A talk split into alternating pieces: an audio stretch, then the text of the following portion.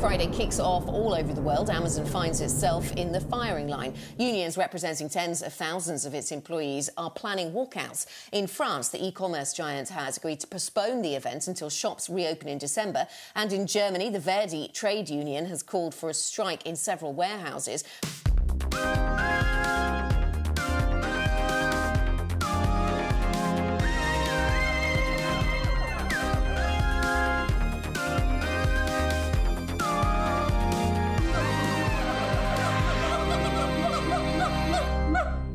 Välkomna till podden Apans anatomi.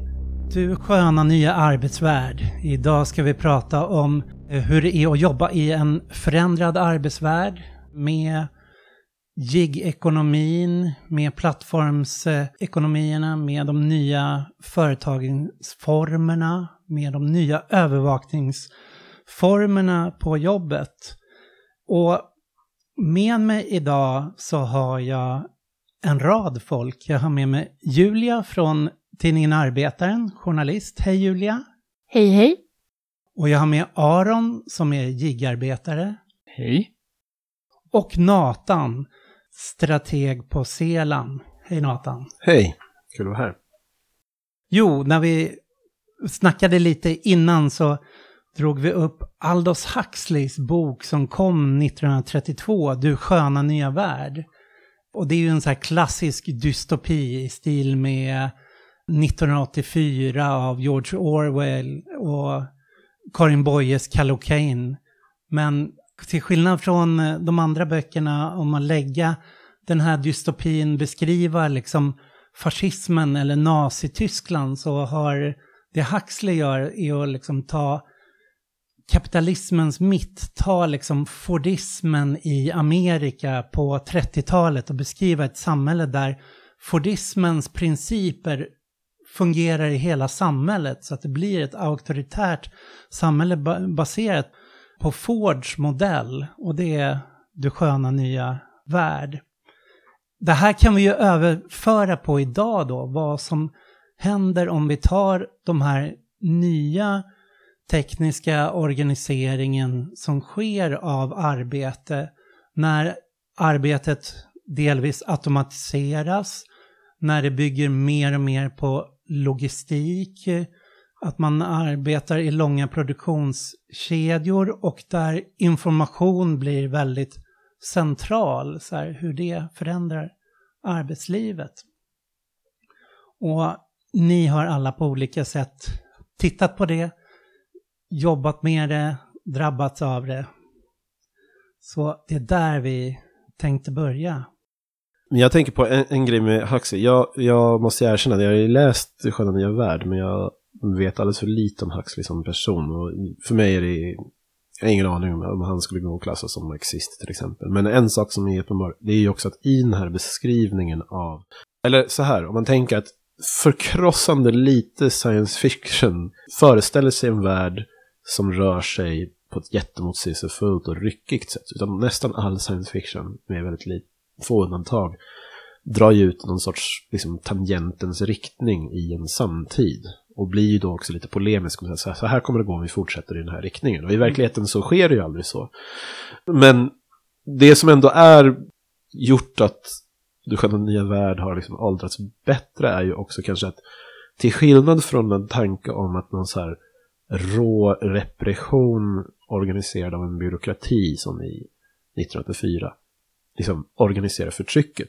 Så lite som namnet antyder så är det ju någon typ av liksom begär som är vägen också in till kontroll hos Huxley. Och det finns ju, där kan man gå till Marx, eller man ska säga, att kapitalismen skapar en massa begär som den inte kan till fullt ut infria. Liksom. Det är en liksom, motor i kapitalismen. Men fortfarande att hela tiden skapa de här begären gör ju också att folk slussas in. Och det har vi ju idag, skulle jag säga, i den digitala ekonomin. Att ens kunna vara i kontakt med människor eller liksom att kunna ta del av samhället på massor av olika sätt sker via internet, via sociala medier som blir allt mer och mer inhägnade. Och så börjar dessutom gräns mellan arbetstid och fritid suddas ut liksom. Och det gör ju att Alltså övervakning sipprar in i många fler rum än det tidigare har kunnat göra. Jag tänker också på att, alltså det var jättelänge sedan jag läste Du sköna nya värld, men jag minns det som att det var så mycket som var positivt i den. Det, var liksom inte en mörk bok egentligen. Och lite alltså, så känns det ju med de här teknologierna idag. Att när, när Google kom, när Facebook kom, när alla de här teknologierna kom så, så det, var så här fantastiska innovationer som vi alla jublade åt. Att det, wow, det går att liksom kommunicera med varandra på det här sättet. Eller man kan söka all information. Eller nu börjar vi se vad det här leder till. På ett helt annat sätt. Men att det liksom är en, en så här baksmälla på den här informationsteknologin. Det har ju varit mycket diskussion genom åren om med Facebook, Google, Amazon och Apple hur de har fungerat genom sina algoritmer, genom eh, sina system av stordatainsamling har kommit att övervaka brukarna. Att till exempel Facebook, att du får tillgång till någonting som du upplever som fritt. Du kommer in, du kan bruka det, men hela affärsidén gäller egentligen att samla in dina data, att få känna till vad du gör, vad du, vad du är intresserad av, och Google har ju gått längst i det där. De var först och de har också gått längst i sån datainsamling. Och det handlar inte längre om individuell smak individer utan de vill kolla på populationer, hela befolkningar, kunna förespå trender, hur liksom konsumtionsmönster och så ser ut. Men allt det här har varit väldigt inriktat på liksom oss som konsumenter och brukare. Och det vore därför intressant att glida över till vad får det här för effekter när de här algoritmerna, de här apparna, de här övervakningssystemen kommer att omforma hur arbetet ser ut. Julia, du har ju skrivit mycket om Amazon och nu, ni hade ju senast i Arbetaren uppe en eh, artikel om hur den här detektivfirman Pinkerton har använts till exempel för att kartlägga fackligt aktiva. Ja, det, fram, det var ju faktiskt eh, Wise News tech-site, Motherboard, som avslöjade i veckan. Eh, nu när det här sänds så har det kanske gått ett antal veckor, men som nyligen avslöjade att Amazon har anlitat det här ökända Företaget Pinkerton, som faktiskt har en eh, historia över hundra år av att motarbeta facklig organisering. Pinkerton grundades redan 1850 och spelade en nyckelroll under amerikanska inbördeskriget där de fungerade som nordstaternas hemliga underrättelsetjänst. Och sen så började de klara upp olika bank och postrån, men sen växte den här firman och med tiden så startade de allt fler filialer runt om i Amerika, främst på östkusten där, där de stora industrierna låg. Och det var då som också arbetsköparna fick upp ögonen för Pinkerton och Pinkerton började helt enkelt motarbeta facklig organisering under industrialiseringen.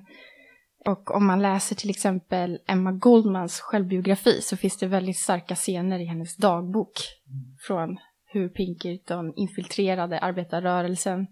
Och eh, ja, och än idag så existerar den här detektivbyrån. Och den anlitas av företag som vill hålla koll på anställda. Företaget ingår sedan 2003 i Svenska Securitas AB. Hurra! Ja. Och det kan liksom handla om hur eh, mobiltelefoner, sökningar på internet, alltså hur man, hur man går igenom sociala medier.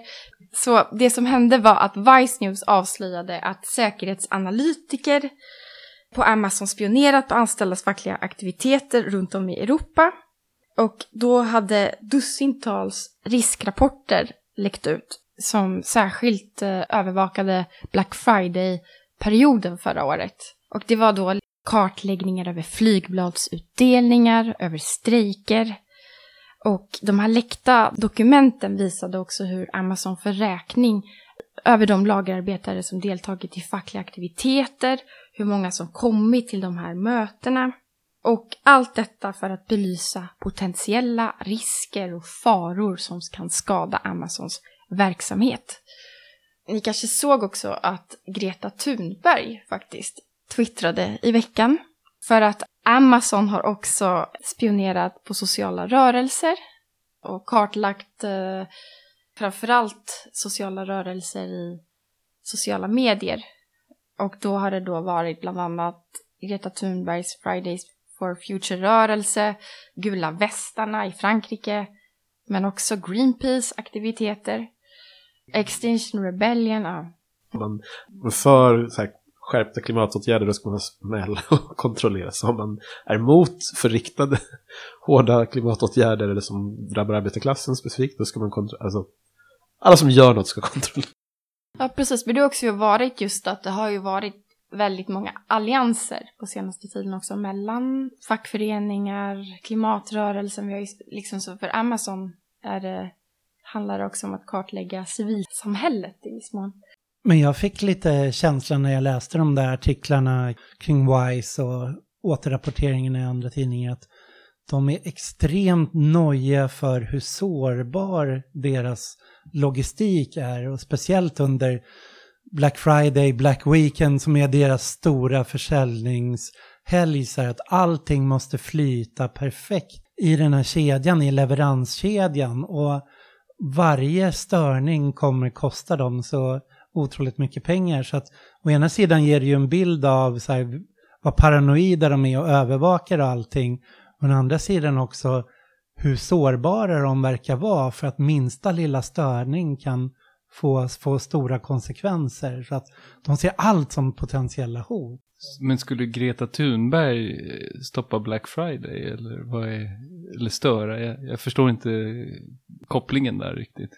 Ja, dels har det varit så att arbetare har gått ut från fabrikerna för att delta i Fridays for Futures demonstrationer. De har deltagit i liksom strejkat och spontanstrejkat, vilt strejkat, gått ut. Men sen är det väl också att... Men också techarbetare som initierat upprop. Ja, de har stött delar samtidigt som de har haft sin miljöprofil har de ju gett visst stöd till liksom oljeutvinning mm. och liksom sånt. Och att stora demonstrationer i stan är ju en störning av hela den logistiska infrastrukturen. Det är ju hela idén med Extinction Rebellion. Att de tänker att genom att blockera stan så ska de tvinga fram ett klimatnödläge.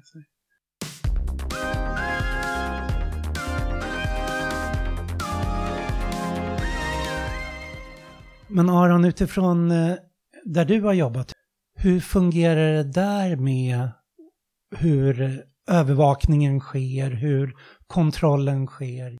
Alltså en sak som har slagit mig som någonting som är lite speciellt med gigekonomin, men som jag gärna skulle vilja lyfta upp och prata om, det är det faktum att så här, eh, ja, scenariot är så här, ja, du söker ett jobb, de säger här, varsågod, ta med dig mobilen, eller det behöver man inte säga, alla har med sig mobilen.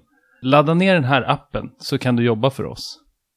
Och det är så enkelt. Man laddar ju ner massa appar hela tiden. Liksom. Så att det, det, vadå? Ja, man laddar ner den här appen och så jobbar man för dem. Men det kan ju få en massa konsekvenser. Och eh, de viktigaste konsekvenserna som, som jag har funderat över, det är väl först och främst att eh, om man jobbar med leveranser så eh, den där appen loggar dig med GPS. Och om du glömmer att stänga av appen så loggar den dig även på fritiden. Och det där med att man blir loggad. Jag har varit med om att jag var tvungen att göra en avstickare in och göra ett toalettbesök under en leverans. Och att jag får frågor på det. Så det kändes väldigt integritetskränkande. Så, att bli ifrågasatt att man går, varför man går på toaletten. Sydsvenskan hade ju just en journalist som gjorde ett sånt vallraffande mm. reportage som beskrev just det du beskriver om hur de mätte alla hans sträckor, hur lång tid det tog och frågasatte varför tog det så lång tid på att cykla den här sträckan? Ja. Så att eh, det, och sen finns det väl en, en annan aspekt av det här som är som jag inte riktigt har fått klarhet i, men jag vet ju att i de här apparna så loggas det massa information om kunder. Mm. Alltså portkoder, namn, telefonnummer, allting. Så. Och det är ju då i min, den hamnar ju i min privata telefon. Jag vet inte riktigt hur, om det här liksom går ihop med GDPR och, och integritet. Någonting säger mig att, att det kanske inte är helt okej. Men, och jag har väl först nu börjat ställa de frågorna. Men jag känner inte att jag har fått något så här entydigt svar. Men min känsla generellt sett med den här branschen är att det går väldigt fort. Företagen växer väldigt fort. De, gör, de är liksom väldigt aggressiva i hela sitt upplägg. Det, alltså man pratar om exponentiell tillväxt. Det ska gå fort.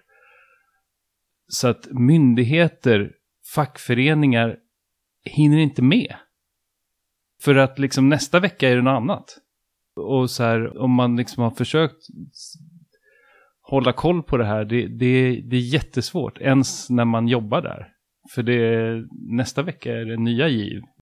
Jag, jag tänker på, nu, tar, nu tog du ju gigekonomi som exempel, men jag menar att eh, nu till exempel har det kommit upp, och det är väl sen gammalt egentligen, att liksom internationella engelska skolan till exempel avkräver medarbetare eller anställda ska säga, att man inte uttalar sig någonting negativt om företaget. Liksom. Och det betyder ju i praktiken att man inte kan prata om missförhållanden på sin arbetsplats överhuvudtaget. En sån sak, om man aldrig är liksom, övervakad, är ju inte ett enormt hot om vi pratar om att så här, man kan prata med arbetskamrater, man kan prata ihop sig om vad man ska göra. Men om det finns detaljkoll på så här, ja du har ju loggat in på våran ja, vad det nu är, så här, återrapporteringsapp eller vad fan det nu är liksom. Och att man hela tiden har Alltså det är lite så här panoptikon om man ska låna. Eh, att hela tiden kunna vara sedd eller åtminstone förhålla sig till alla situationer som att man alltid kan bli sedd. Och jag tänker, alltså jag jobbade ju förut på arkitektur och designcentrum och då jobbade vi väldigt mycket med frågor om social och kulturell hållbarhet och även stadsplanering och just så här, förändringen av hur staden sitter ihop. Liksom. Vilka, alltså att det är olika juridik för olika områden, att det är olika, att man lisar ut övervakning av områden i allt högre grad till vaktbolag, att fler och fler platser och inte minst fler och fler centra i, alltså knytpunkter som ibland sitter ihop med kollektivtrafiken och så här, är de facto privata områden. Eller att det är så här företag som äger och sånt där. Alltså just att så här, Alltså torg, inte, Ja. inte köpcentra och så. Ja, utan- men torg som är liksom utomhuscentra. Liksom. Att det, Ja. Och jag tänker att om den utveckling du beskriver, en så här snabb eh, utveckling av eh, ett kringskuren integritet och så vidare. Och överhuvudtaget en tendens till liksom sammanblandning av offentligt och privat och sådär. Så då finns det, det blir väldigt otydlig juridisk situation i, på område efter område. Liksom.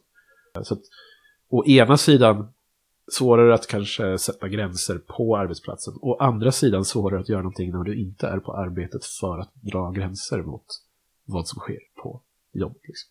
Och det är den här liksom, det, för mig är det den sköna nya värld. Det, finns ju till och med i sättet vi pratar om offentlighet. Här om, när var det, alltså det var typ i slutet av sommaren eller om det var i början av hösten när just SL hade liksom kommunikation utåt om att så här, man inte ska så här, säga ifrån, man ska inte typ titta när liksom någonting sker om man känner sig otrygg eller så, här, utan man ska gå in på en app och skicka information.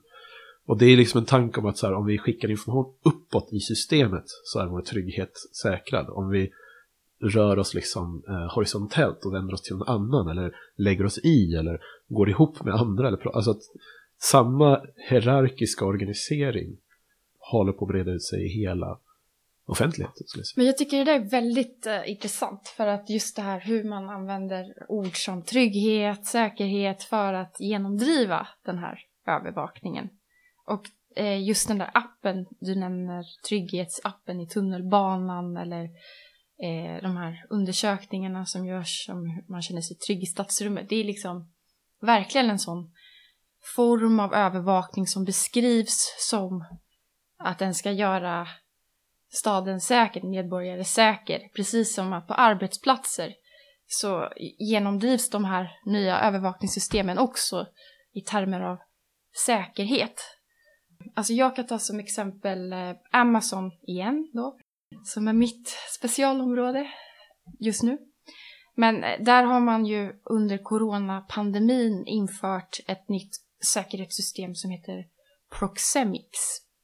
Och det här Proxemics, det finns nu på anläggningar över hela världen, också i Europa. Men det har också stoppats av fackföreningar. Jag ska bara kort beskriva vad det är. Det är alltså övervakningskameror som man har satt upp på arbetsplatserna som signalerar ifall anställda jobbar för tätt in på varandra. Då larmar det här övervakningssystemet och så är det social distansering som måste till. Och ifall det är allt för många som samlas så kommer en manager och avbryter detta och så vidare. Men det som har varit problemet är att många anställda oroar sig för vad Amazon kan göra med denna insamlade data. Även om Amazon säger att ansikten blurras och att det är skyddad information så har det här varit då en rädsla så att i tyska Reinberg så lyckades man ta detta till domstol och stoppade Proxemics. Och i Italien har också facket CGL försökt stoppa Proxamics för man tror liksom att de ska hålla kvar det här systemet efter pandemin är över. Och det är också så att jag pratade nyligen med en anställd i USA. Han berättade att de liksom hänvisar nu till de här att många får sparken ifall ja, det har ju brutit mot sociala distanseringsregler. Men de anställda har inte tillgång till datan, de får inte se bilderna från övervakningskameran. Så att det blir ett sätt också att avskeda obekväma fackligt aktiva personer kan det vara. Jag tänker på att det, det också, alltså när du har total övervakning, jag, jag tar i lite men jag tänker att då, då kommer ju nästan alla människor eh, i någon bemärkelse. Det kommer finnas någonting på alla människor. Då kan du ju ha det vilande liksom där för att sen godtyckligt eller ja, utifrån att du, tar fram anklagelseakten när du tycker att någon är obehaglig eller obekväm eller olämplig av andra skäl och så hittar du teknikaliteter som du ska peta folk för. Jag menar, alla slappar någon gång på jobbet, någon liksom är inte där den ska eller whatever, men folk gör sitt jobb liksom. Det är så arbete sker. Och sen så finns det ju vissa branscher där man ändå har mycket högre grad av autonomi. Och jag tror liksom, för tio år sedan hade man ju snackat med folk om liksom drömtillvaro. Då kanske det så att vara frilans och ha fett med uppdrag hade ju funnits ändå halvhögt för ganska många. Och det, jag tror att det är just den frilanssituationen som är börjar närma sig som mardrömsläge för många. Alltså att det börjar sippra in. Jag tänker på det och hur det liksom kommer från politiken. I USA nu i precis i presidentvalet eller liksom tekniskt sett valet av elektorer. Då väljer man ju även, eller man röstar i andra frågor. Och det här har varit bra i vissa delstater och mindre bra men liksom i Kalifornien till exempel så har man ju röstat för att tidigare dömda faktiskt ska få sin rösträtt. Vilket är skitbra. Men man har också röstat igenom, pådrivet bland annat av Uber med flera, att de som anlitas av Uber, av liksom Kalifornien, alltså delstaten på något sätt, eller att göra tjänster, de ska inte vara anställda utan de har fått uppdrag. Vilket gör att man kan kringgå en massor av ja, liksom arbetarskyddslagstiftning. Liksom. Och den influensen kommer liksom ovanifrån politiskt. Så att, och det är väl, vi pratade ju innan om, om just så här, var är fackföreningarna på den här bollen eller inte? Och jag tror ju att det är ju liksom inte bara en facklig fråga, det är en facklig politisk fråga. Alltså att det måste, man måste ta ett större grepp, ett mer strategiskt grepp, snarare än reaktivt. Ta saker som de kommer, just för att utvecklingen går så snabbt och är pådriven. Så frågan är vad ska man göra och vilka ser det här som en politisk fråga överhuvudtaget? Jag har ju en tanke. Just nu fick jag höra att eh, Transportarbetareförbundet har kommit ganska långt i sina förhandlingar med Foodora om kollektivavtal. Det är typ nästan i hamn. Mm. Och det skulle ju vara ett, en seger och ett, ett framsteg i gigekonomin om man kan eh, få de här företagen att teckna kollektivavtal. Men jag funderar över om kanske det här med mobiltelefonerna skulle vara en viktig strategisk seger som skulle kunna vara viktigare för arbetarna. Alltså om man kunde få till så att man inte jobbar med sina privata mobiltelefoner. Det tror jag skulle ha, dels blir det ju så att mobiler förstörs, då måste man köpa ny och så vidare. Men också en, en viktig symbolik och liksom en, en viktig praktik också i att man, man inte blir övervakad på fritiden och så. Och sen också att, att det, det kostar ju mycket för de här företagen. Om affärsmodellen är att du hela tiden ska kunna anlita folk, nya in, så är det ju liksom på de här företagen så är det liksom nya, nya personer, nya ansikten varje vecka. Ska de då få en hel uppsättning arbetskläder, mobiltelefon och så vidare de kan ju försvinna lika fort som de kom. Alltså, det är väldigt svårt att hålla koll på de grejerna. Så att om det blev tvunget att man var tvungen att ge alla arbetsredskap, då skulle kanske den här affärsmodellen inte riktigt hålla, tror jag. Man får ju intrycket av den där äh, artikeln i Wire om övervakningen på Amazon, att det handlar lika mycket både om driftstörningar men också om svinn på arbetsplatsen, att de vill ha total koll på vad de som jobbar där jobbar med för lagersaker så att det inte försvinner utrustning och eh, varor. Ja, nej, men det jag tänker är att på Amazon så finns det ju typ ett motsatt problem också. Man får inte ens ta in sin mobiltelefon utan du är. Du får inte ha någonting privat. Du går igenom en säkerhetsdetektor. Det gäller också på Zalando i Sverige också. Eh, du är din skanner på Amazon så är det ett liksom automatiserat inventeringssystem som gör att arbetet sköts av tekniska algoritmer och skannrar som registrerar streckkoder på de här varorna och det gör att Amazon kan mäta exakt allt som sker. Amazon har till exempel något som heter det kaotiska systemet som gör att alla varor är sorterade slumpvis så det är svårt för den anställda att också få en översikt över hur det här lagret är organiserat. Och algoritmerna vet mer än arbetarna, kan man säga. Ja, du är din skanner. Du är Usch. Nej, men jag, jag tror att det är viktigt att inte enbart tänka på om själva mobilen är privat eller ej, utan också vad som är själva datan. Och den data som samlas in och hur företaget kan mäta data, hur anställda också kan kräva rätt till sin data. Mm. Vilket vi har sett också att eh, Uber-chaufförer har gjort i Amsterdam tror jag. Och Amazon-arbetare nu också försöker göra i allt högre grad genom exempelvis GDPR-lagen. Jo, alltså jag tänker lite på, apropå det här med att jobba med en app. Liksom, eller jobba i ett system som är väldigt datoriserat. Vi jobbade åt en kund och då var det liksom ett väldigt slutet system. Så att det var liksom så här, ja du skannar in dina paket och sen så åker du iväg och sen så först när du liksom är framme vid adressen så kan du klicka och då får du portkoden. Så då kan du öppna och då måste du liksom ta en bild när du har lagt ner paketet vid dörren.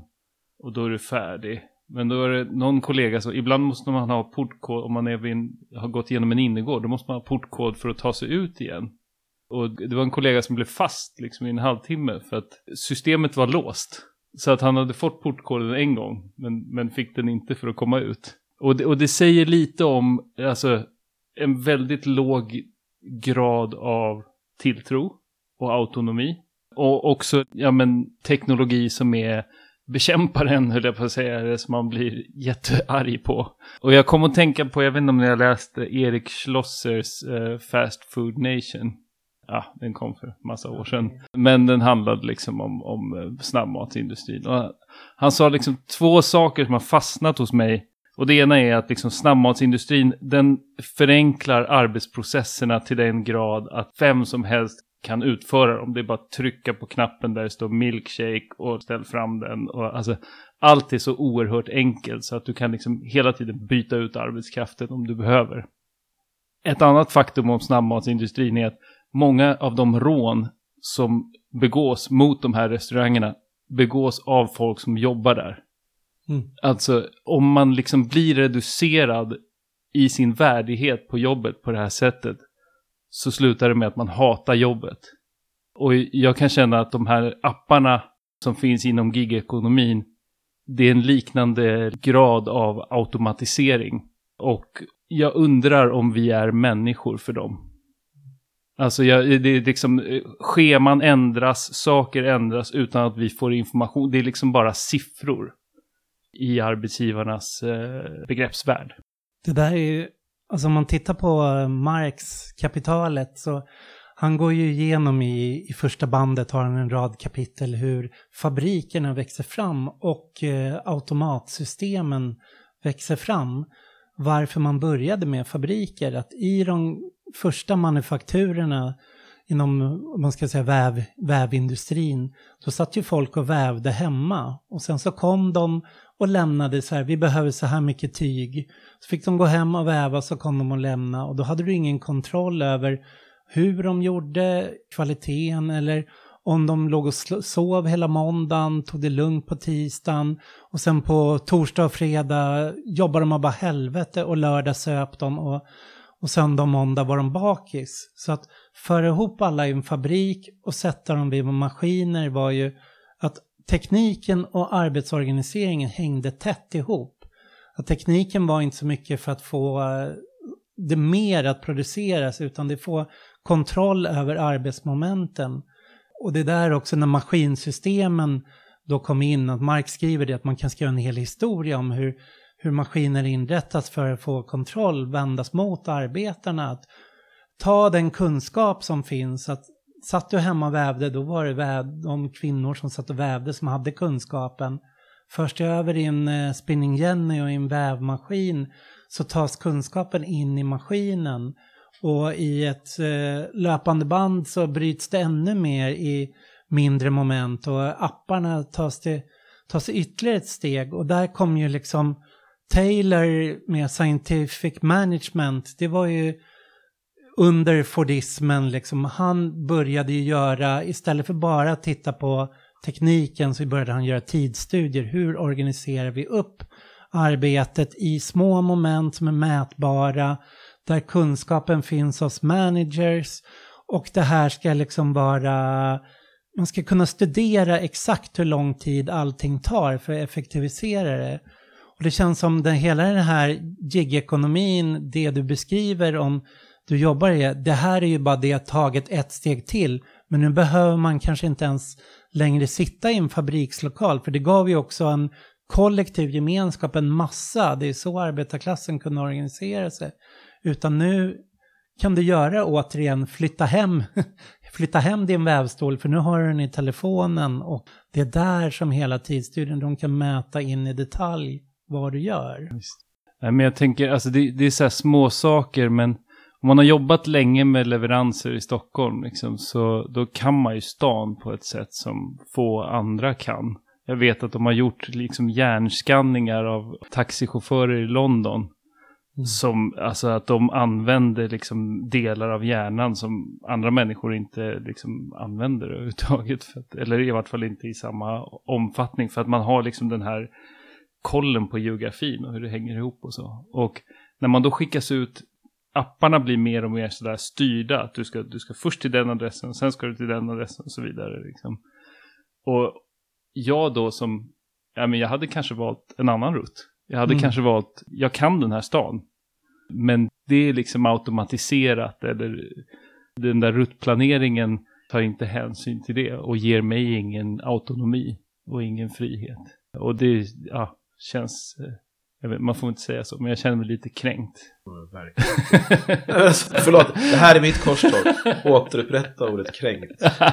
Det är mitt korståg, att återupprätta ordet kränkt. Inte... Just, nej, men alltså, det, jag har sagt det i liksom 31 olika sammanhang, men jag, jag förstår 100 procent ska vi säga, hela intentionen när, när det började så här raljera som vita kränkta män. Att så här, nu ska vi skämta om en viss typ av gubbar med liksom jäkligt uselt sinne för proportioner. Men kränkthet är ju, någon har gått över mina gränser och det är ju världens mest mänskliga känsla som finns. Liksom. Och det är någonting som, om svenska arbetarrörelsen hade större förmåga att känna sig kränkt så skulle vi ha ett bättre samhälle. Okej, okay. jag är kränkt. Typ. Ja, tack, det var dit jag ville komma.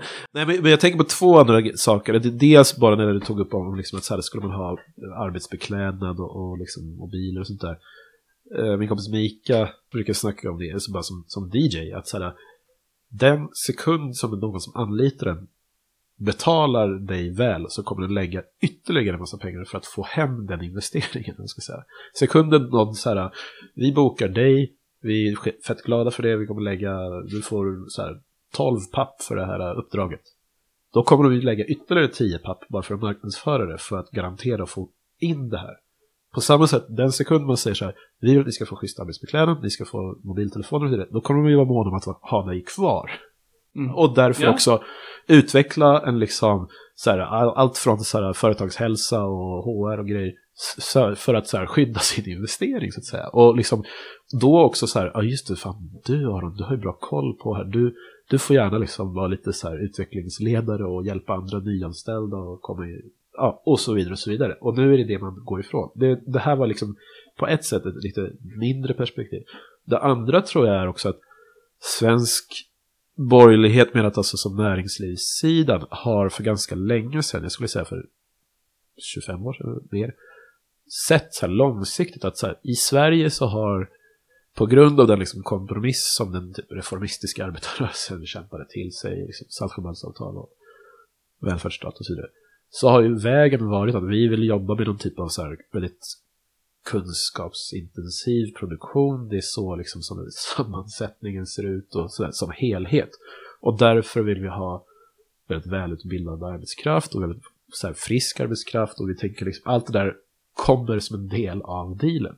Och det där har man släppt och små detaljer i det kan vara liksom att så här, vi vill skrota snudd på skrota komvux, vi vill inte att man ska få en andra chans, man ska inte få lära sig för hela livet, vi, liksom, vi vill ha en låglönesektor och jag skulle säga att även liksom att Sverige sticker ut så enormt i just skolfrågan bygger också på det. Så här, det är lugnt om liksom, I don't know, 15% av unga idag blir fucked for life därför att skolan är undermålig. För att vi vill ha produktionen sammansatt så att några ska liksom ha väldigt få alternativ till att ta just typ gigjobb. För så ser vår tänkta tjänstesektor ut, så ser vår tänkta andra ska servera mig i hemmet, några ska ta liksom jobba med, mot rutavdrag och så vidare och så vidare. Det är liksom en strategisk utveckling som sitter ihop med än att det är isolerade fenomen, skulle jag säga. Alltså jag tror man kan, kopplingen svenska skolan, i vart fall på de arbetsplatser jag har varit på,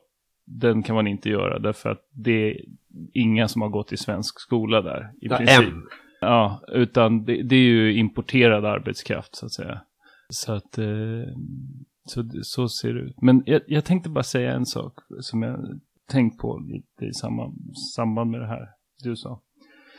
När man jobbar i de här gigföretagen och eh, ni får tänka liksom en enorm personalomsättning. Mycket större än, än något ni någonsin har sett för liksom, nya ansikten på jobbet varje dag. När folk skadar sig, och det händer ganska ofta, då försvinner de bara. Så att arbetsgivaren behöver aldrig ta några konsekvenser av liksom den dåliga arbetsmiljön. Och det kan vara hyfsat allvarliga arbetsskador. Men det är liksom, eftersom de inte är tills vidare anställda så liksom går det inte att driva någonting eller alltså ingen rehab, ingen, de bara försvinner. Mm. Mm. Så att det, det, är mycket av den här tryggheten som, som vi förväntar oss i Sverige som verkligen inte finns i, i de där branscherna. Det känns som att man är i tredje världen på, på många sätt. Jag har jobbat eh, länge som personlig assistent och i hemtjänst. Och jag var ju där när liksom hela privatiseringsvågen kom i hemtjänst. Då vi, det började på samma sätt där ske den här liksom att de ville med tidsstudier se till att vi var effektivare. Att mycket av det arbetet innan när jag jobbade på hemtjänst det var ju att gå hem och städa, handla åt gamla tanter, gubbar. Och de ville ju också ha social umgänge liksom. De satt själva hela dagarna så där var den kontakten som var med människor. Och då fick vi liksom kraven att vi liksom skulle ha mindre och mindre social bit i, i det arbetet, att det skulle bantas ner.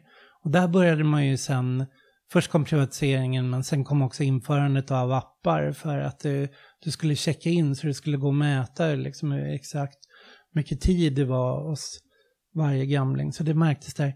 Men jag tänkte på en annan sak kopplat till det här och det är både Aron och Julia, ni kanske kan flika in i det och det är ju så här att när du har kontrollen genom appen eller liksom genom företaget som övervakar så försöker de ju också på ett sätt outsourca övervakningen eh, eller lämna över det till kunden, till brukarna.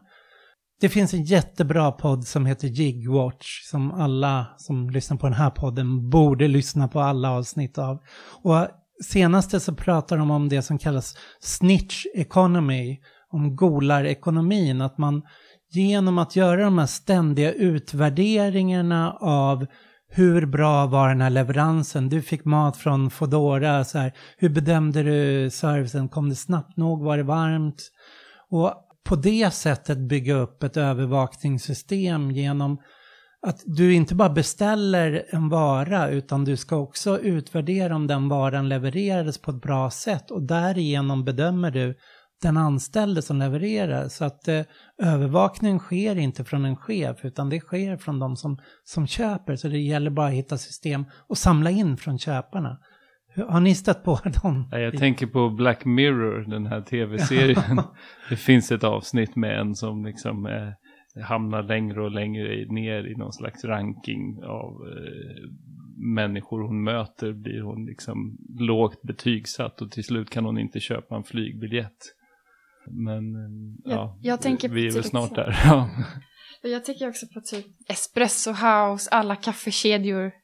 När du beställer en kaffe och så får du direkt liksom betygsätt hur den här eh, servicen var. Mellan 1 till 10 så står den här personen framför dig och så ska du liksom... Det är fruktansvärt och det kopplas direkt till den här arbetsplatsen på...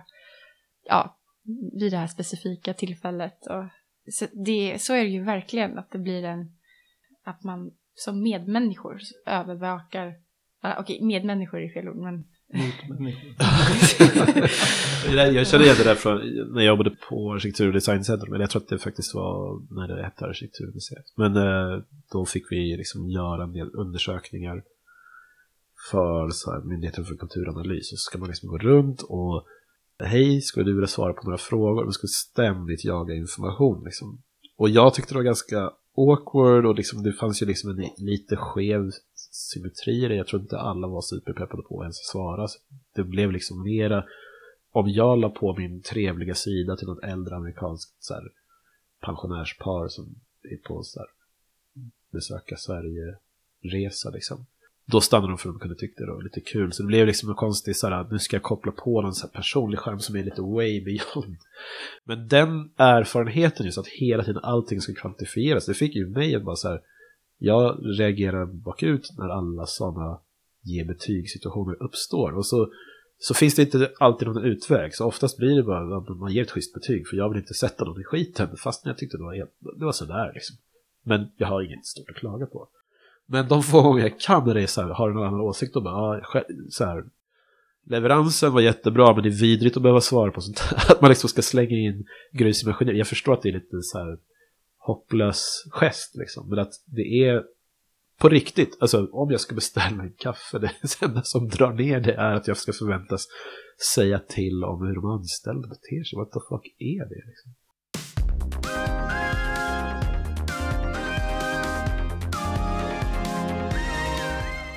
Det finns, eh, Shoshana Zuboff gav ut en bok för några år sedan som heter Surveillance Capitalism, övervakningskapitalism på svenska.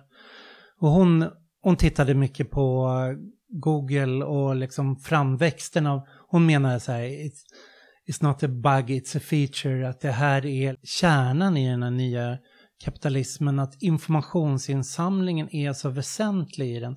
Och hon beskrev olika steg, att det alltid kommer presenteras som smart, smarta maskiner, smarta telefoner, nu har vi smarta städer. Jag var aktiv i en eh, ockupation av Valla scen för fem år sedan på Valla torg där Stockholms stad skulle skapa ett sånt här smart stadsområde som skulle vara ekologiskt uppvisningsområde. Folk skulle resa dit från hela Europa för att kika. Och det smarta skulle ju vara då att allting skulle vara mätbart i det här. Det skulle vara mätbart hur mycket, vad du hade för värme i lägenheten, hur ofta du spola, hur mycket sopor du lämnar ut. Och allt skildras alltid som att det här är fantastiska möjligheter, att du kommer få sådana möjligheter, att du kommer få den här omnifjärrkontrollen där du kan styra allt. Och vad var den där omnifjärrkontrollen? Jo, alla när de, de kastades ut i sina lägenheter, lägenheterna blåstes ut, lyxrenoverades, de fick en enorm hyreshöjning och så fick de en padda i handen då. Och med den här så kan du höja och sänka temperaturen liksom. Men för att göra det så måste du ha ett Google-konto. Så alla lägenheter fick ett Google-konto. Så att det här är allmännyttans bostäder. Men Google sitter på all informationen om allting som i de här lägenheterna, hur det sker. Och det är lite hennes poäng, Suboff, då, att det som skildras som valmöjligheter, att med alla de här apparna, du kan beställa vad du vill, du kan göra vad du vill, så man säljer ju alltid in det som att du har ökade möjligheter och ökad valfrihet, att det är den sköna nya värld som är på gång här. Men eh, det är ju inte det som Google är intresserad av, utan det är att det finns en stor ekonomi i den här informationsinsamlingen, vad du kan göra med den här informationsmassan. Men det är som skolan igen. Man kan, valfriheten betyder att du kan välja vad du vill. Det enda du inte kan få välja det är att jag vill ha en bra grundfinansierad kommunal eller statlig skola. Det är liksom, den valmöjligheten finns mm.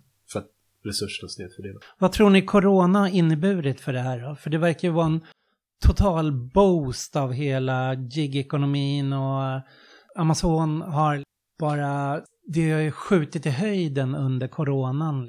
Hemleveranser, Walmart har fått ställa om till leveranser, det går inte att ha stora köphus längre. Den sociala distanseringen bygger på att några ska ta smällen helt enkelt. Mm. Alltså att man ska accelerera vilka som ska hela tiden vara i mm. omlopp och ha kontakt med alla. Liksom. Alltså inom gigekonomin fick vi ju mycket att göra. Det har vi haft hela tiden. Jobbar inte hemifrån alls. Mm. Och eh, vi har inte ens, i början fick vi inte ens handsprit eller munskydd eller någonting. Trots att de som är ute och levererar är ju väldigt exponerade. Så. Men eh, nej, det, det var det inget av. Mm. Nej, det är jag precis som du säger, alltså pandemin har verkligen synliggjort de, de här företagen och hur gigekonomin fungerar och ja, mer än någonsin skulle jag säga. Men de har väl också vuxit? Alltså, och de har alltså vuxit. att det, det, är mer hemleveranser, ja. det är mer... Ja, precis. Men ja, jag vet inte, annars så är det väl... Ja, vi pratade ju innan här om... Alltså, det var prat om någon app som skulle mäta liksom om man går förbi någon som har haft corona eller som har corona. Att, att man med mobiltelefonen skulle liksom få en varning eller i början av coronapandemin så var det prat om sådana appar. Jag tror de införde det i Danmark eller så. Men, Sydkorea också hade Ja. Men, men det har vi inte sett så mycket av här. Nej. Det man såg av att de använde under påsklovet kollade mobiltrafiken för att se hur mycket rör sig svenskarna. Då hävdade de ju att de avanonymiserade datan, men där försökte de då använda plocka ut från mobilleverantörerna för att se folks rörelsemönster och kartlägga mm. utifrån det. Inte direkt relaterat till corona är ju att alltså, polisen har ju börjat använda så här biometri utan att ha fått tillstånd för det av Datainspektionen än och sen så har man fått det retroaktivt. Och då är det liksom just så här koll var folk rör sig. Det är inte så här vi övervakar om någon har begått ett faktiskt brott. Utan det är bara att kolla på rörlighet. Alltså framförallt i Skåne vet jag att det har skett. Liksom. Och det hade ju nu i somras liksom. Men det är inte arbetsköpare som kollar. Liksom. Men det är intressant just att sådär de som ska upprätthålla lagen går före den liksom, på det sättet. Mm. Uh, och det, jag tänker på det alltså just, alltså att det, det är konstigt för att GDPR känns ju som att det reglerar vad liksom alltså, civilsamhällesorganisationer till exempel. Måste, eh, jag jobbade på en sådan när GDPR röstades igenom och då vi hade ganska enorma så här, prenumerantregister och liksom så här, då ströps ni får inte göra utskick till de här om ni inte hittar, och ni måste först så här, skaffa eh, samtycke till det här. Men det vet man ju att när det gäller appar från företag, då är det ju liksom så att ens kunna använda dem, alltså du är ju utelåst om du inte samtycker, alltså det, det är ju milt tvång basically. Du, kommer ju, du kan ju knappt titta på tv utan att samtycka till saker om du har en fel box du kollar igenom och så vidare. Mm. Så att det, det där är ju, det jag fiskar efter det är väl liksom just att det är en asymmetri där, att företagen kommer ju runt GDPR så himla väl känns det som jämfört med hur andra från civilsamhällesorganisationer eller föreningar eller medier och så vidare gör det.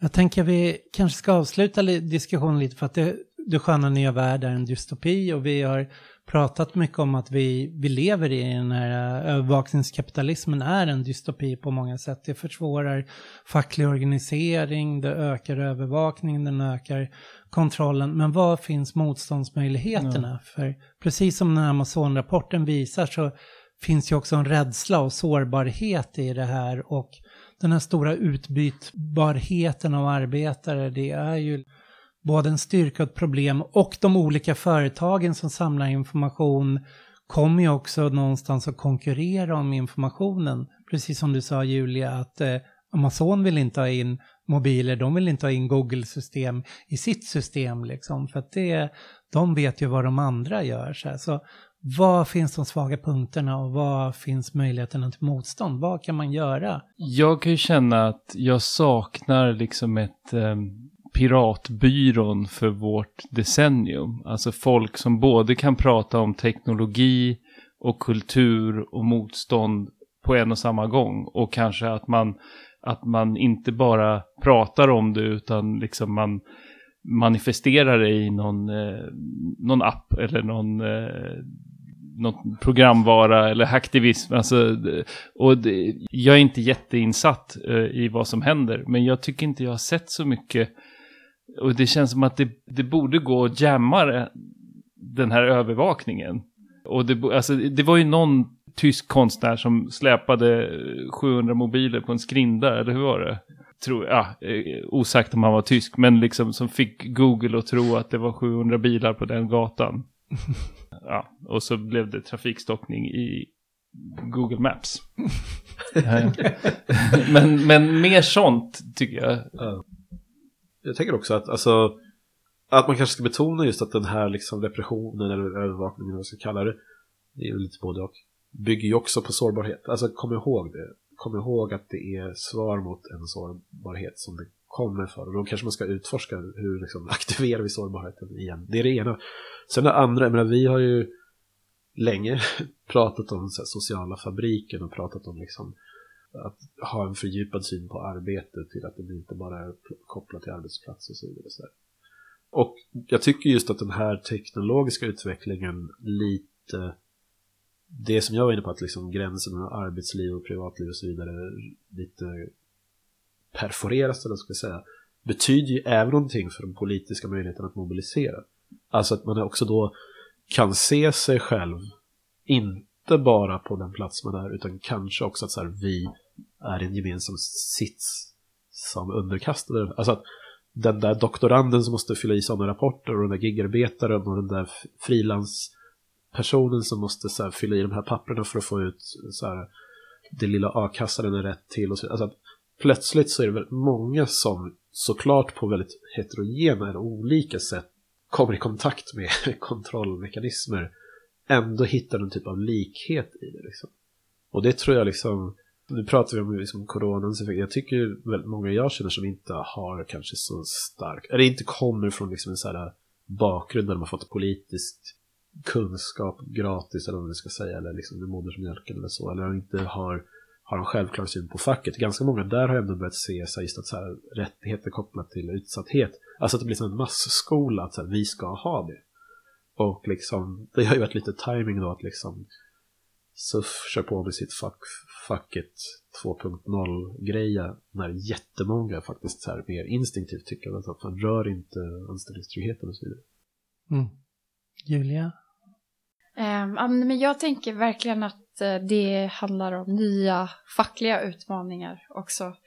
Och att på något sätt, ja men till exempel har, ju, har vi ju några exempel. I Sverige till exempel i Norrköping så lyckades Kommunal få kommunen att ta bort den här tidmätningen på apparna i hemtjänsten. Men problemet är att de här avtalen löper på för att det finns en uppsägningstid Men de ska i alla fall bort.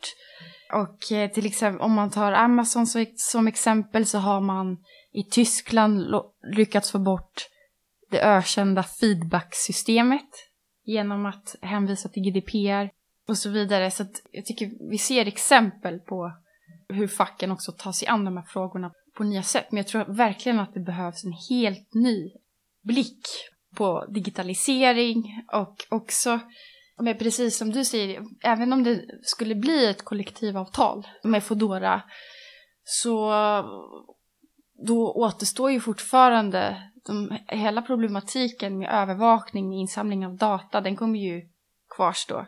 Det är precis som att Amazon i Sverige visserligen har den här underleverantören, det, de har kollektivavtal. Men på Zalandos lager är det också kollektivavtal. Men där har, är det exakt samma problem med övervakning, med, genom appar, genom... Eh, så att det är exakt samma påfrestningar och stress och bemanningsanställningar som... Hur som helst, jag tror att, eh, att det blir väldigt viktigt eh, att ta sig an just hela digitaliseringen i sig och att göra denna till en facklig fråga. Mm. Och det är ju lite så i början när eh, en ny marknad upprättas, då är det ju rätt mycket vilda västern där innan det börjar komma in några former av regleringar eller facken hinner ikapp och börjar någon facklig organisering. Och då är frågan om det här är ett sådant område som är vilda västern där facken och regleringen är på väg in eller om det sker det motsatta, det här sipprar in mer och mer även i andra former av anställningar. Att det är former av appar, former av feedbackloopar genom kunder. Och där har vi ju coronan med det här att allt fler som kan jobba hemifrån ska jobba hemifrån. Och där kommer ju ske en förändring av arbetslivet som kanske inte går tillbaks till något hur det var innan. Att företag säger upp sina kontor och så. Jag har ju liksom tänkt just det här med så här, ja, du får gärna komma och jobba hos oss, ladda ner den här appen så kan du börja. Att jag reagerar mot det. Men jag undrar en person som är 20 om de skulle reagera mot det på samma sätt. Jag vill gärna lyfta den frågan för jag är rädd att det kommer normaliseras. Och då tror jag det är svårt att vända. Vad intressant är det där du sa att det är många av dina kollegor, många av dem du har jobbat med, de är kanske inte svenska medborgare eller är sådana som är längst ner i arbetslivet, har svårast att liksom få andra typer av jobb. För då är ju också frågan hur man börjar där och når för att kunna höja medvetenheten kring rättigheter, hur man skapar någon form av organisering. Jag, jag sysslade med för, det var tio år sedan, över tio år sedan, sen när jag pluggade på universitetet så var vi väldigt många gamla vänsteraktivister som pluggade samtidigt. Och vi tänkte så här, men överallt hela tiden så är det bara reklam för bemanningsföretag. Att man ska jobba på bemanningsföretag. Och var det inte bemanningsföretag så var det McDonalds eller kaféer. Och det var så här, men det här är inte lön du ska kunna leva på. Det här är en lön som är komplement till ditt studielån. Så, här, så att du kan jobba upp och få lite extra så att du får jobberfarenheter. Och därför var också facken ointresserade och säga att nej men vi är bara här och värvar i skolan för att på universiteten för om folk läser till lärare att de sen ska gå med i lärarfacket. Inte att se att hela universitetsvärlden och gymnasievärlden fungerade som en så här osäker anställd fabrik som det fanns en stor del av näringslivet som var inriktad på att plocka för att de visste att här behöver man inte betala en lön du ska kunna leva på. Så vår strategi var ju liksom dels att upplysa om det, dels att göra saker när bemanningsföretagen var där. Att vi skapade något som vi kallade osäkrade studenter. Istället för osäker så var det osäkrade för att visa att liksom vi var aktiva aktörer. Och sen så satsade vi på att bjuda in fackföreningarna. Så fort det var ett bemanningsföretag där så skulle vi via studentkåren se till att det var fackföreningar där och också håll, höll information då. Och speciellt sa så här, men inte för att ni ska värva kommande yrkes... Mm. utan för att ni ska vara här och se på den si- situation de är. För att det här fungerar som en stor lönedumpande kraft i samhället. Men Det, det tänker jag på, Mm. alltså för det är väl 20 år sedan ungefär, men när, eller ja, 99 kanske, när liksom framförallt Stockholms LS, flera LS än Stockholm, liksom tog tag i att försöka organisera papperslösa. Och då var det som att det bara liksom syndikalister som bryr sig om det här och sånt där. Och nu är det ju ändå så liksom att så här, det finns mycket som är liksom lite svajigt i LO-förbunden. Både Byggnads och Handels gör någon typ av effort där liksom som inte är kattskit. Och det på samma sätt att börja så här plantera, hitta så här, vad ska vi dra de baslinjer som man sen kan flytta fram. Tror jag är skitviktigt. Och så jag tror ju också så här, jag håller med om det där liksom att om du är 20 så kanske på grund av relativ brist på andra arbetslivserfarenheter så kan det finnas en så här, ah, men fine, jag tar den här appen eller vad Jag tror också det finns en så här, det finns ganska vitt utbredd så här, frustration över just så här, allting ska inrutas online och liksom Alltså förutom äldre sura liberaler så de som har varit så här peppade på det piratpartiet och så har ju varit ganska Mm. mycket unga som liksom hatar inhägningen av tillvaron online liksom. Och den tror jag finns hos ganska många unga. Kanske inte då hos migrantarbetare men liksom att det finns en typ reservoar av så här kamppotential eller motståndspotential i den liksom mindseten liksom. Att politisera den mer. Jag har en tanke, så, eller liksom, som jag har tänkt lite, lite apropå det du säger, att det var på 70-talet, var det maoisterna som gick ut och liksom arbetade på, i fabrikerna? Mm. Om liksom vänstermänniskor skulle gå ut och liksom jobba på de här gigföretagen för att styra upp arbetsmiljön. Jag menar, det räcker ju med en, två stycken för att göra avtryck. Mm. Och jag har sett exempel på det också, att eh, ja, det finns någon eller några stycken som verkligen driver de fackliga frågorna. Nej, men jag tycker också att det är intressant med eh, nya allianser som har uppstått mellan techarbetare och anställda i USA till exempel. Liksom det har skapats nya allianser med också de som faktiskt har makt över de här algoritmerna på riktigt, vilket är intressant med den typen av allianser som finns nu också. Du och jag har haft en del utbyte med ett nätverk som heter Transnational Social Strike där mycket Amazonarbetare har kommit och berättat om. Och Black Friday har ju haft en speciell dag för dem. Det är ju där, kanske du kan säga någonting om hur har Amazonarbetare internationellt använt sig av Black Friday? Det som har varit intressant med Black Friday också tidigare år har just varit den gränsöverskridande organiseringen mellan länder och mellan sektorer. Liksom att vi har sett Amazon-arbetare i Tyskland och samtidigt som i Polen har det inte varit möjligt att strejka men där har de istället genomfört aktioner och det har också varit leveransbud som har protesterat så, så att det har gått över just olika sektorer. Det skapar ju en väldig kraft när det går att bryta en logistisk produktionskedja på det här sättet. Och det Mm. tycker jag vi ser mer och mer idag. Och hur vi också ser hur det har varit väldigt många allianser.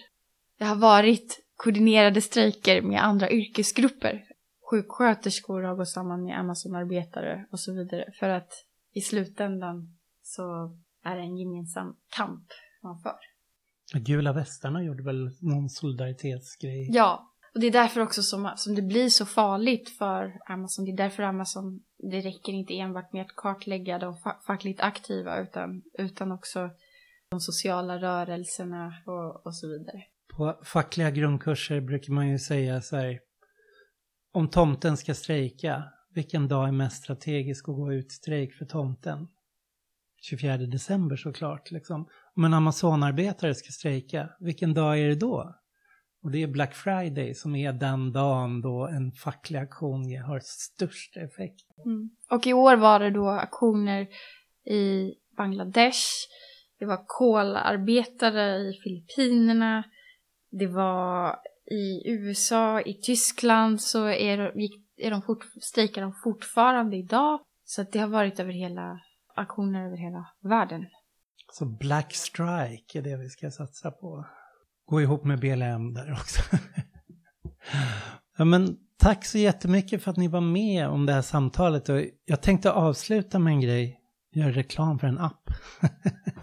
Såklart. För att nu är det nämligen så att vi vänsterpoddar har gått ihop och det håller på att byggas upp en app som heter Radionoden. Tänk Sveriges Radios app. Det här kommer vara det där du kan hitta alla olika vänsterpoddar. Arbetarens eh, nyhetsapp kommer vara där. Jigwatch kommer vara där. Apans anatomi kommer vara där. Och det kommer finnas både möjlighet till att lyssna på arkiverade avsnitt och även eh, livesändningar när det sker stora dagar. Så nästa Black Friday får vi köra en eh, Black Live där hela dagen. Tack så mycket! Tack för att fick komma. Tack.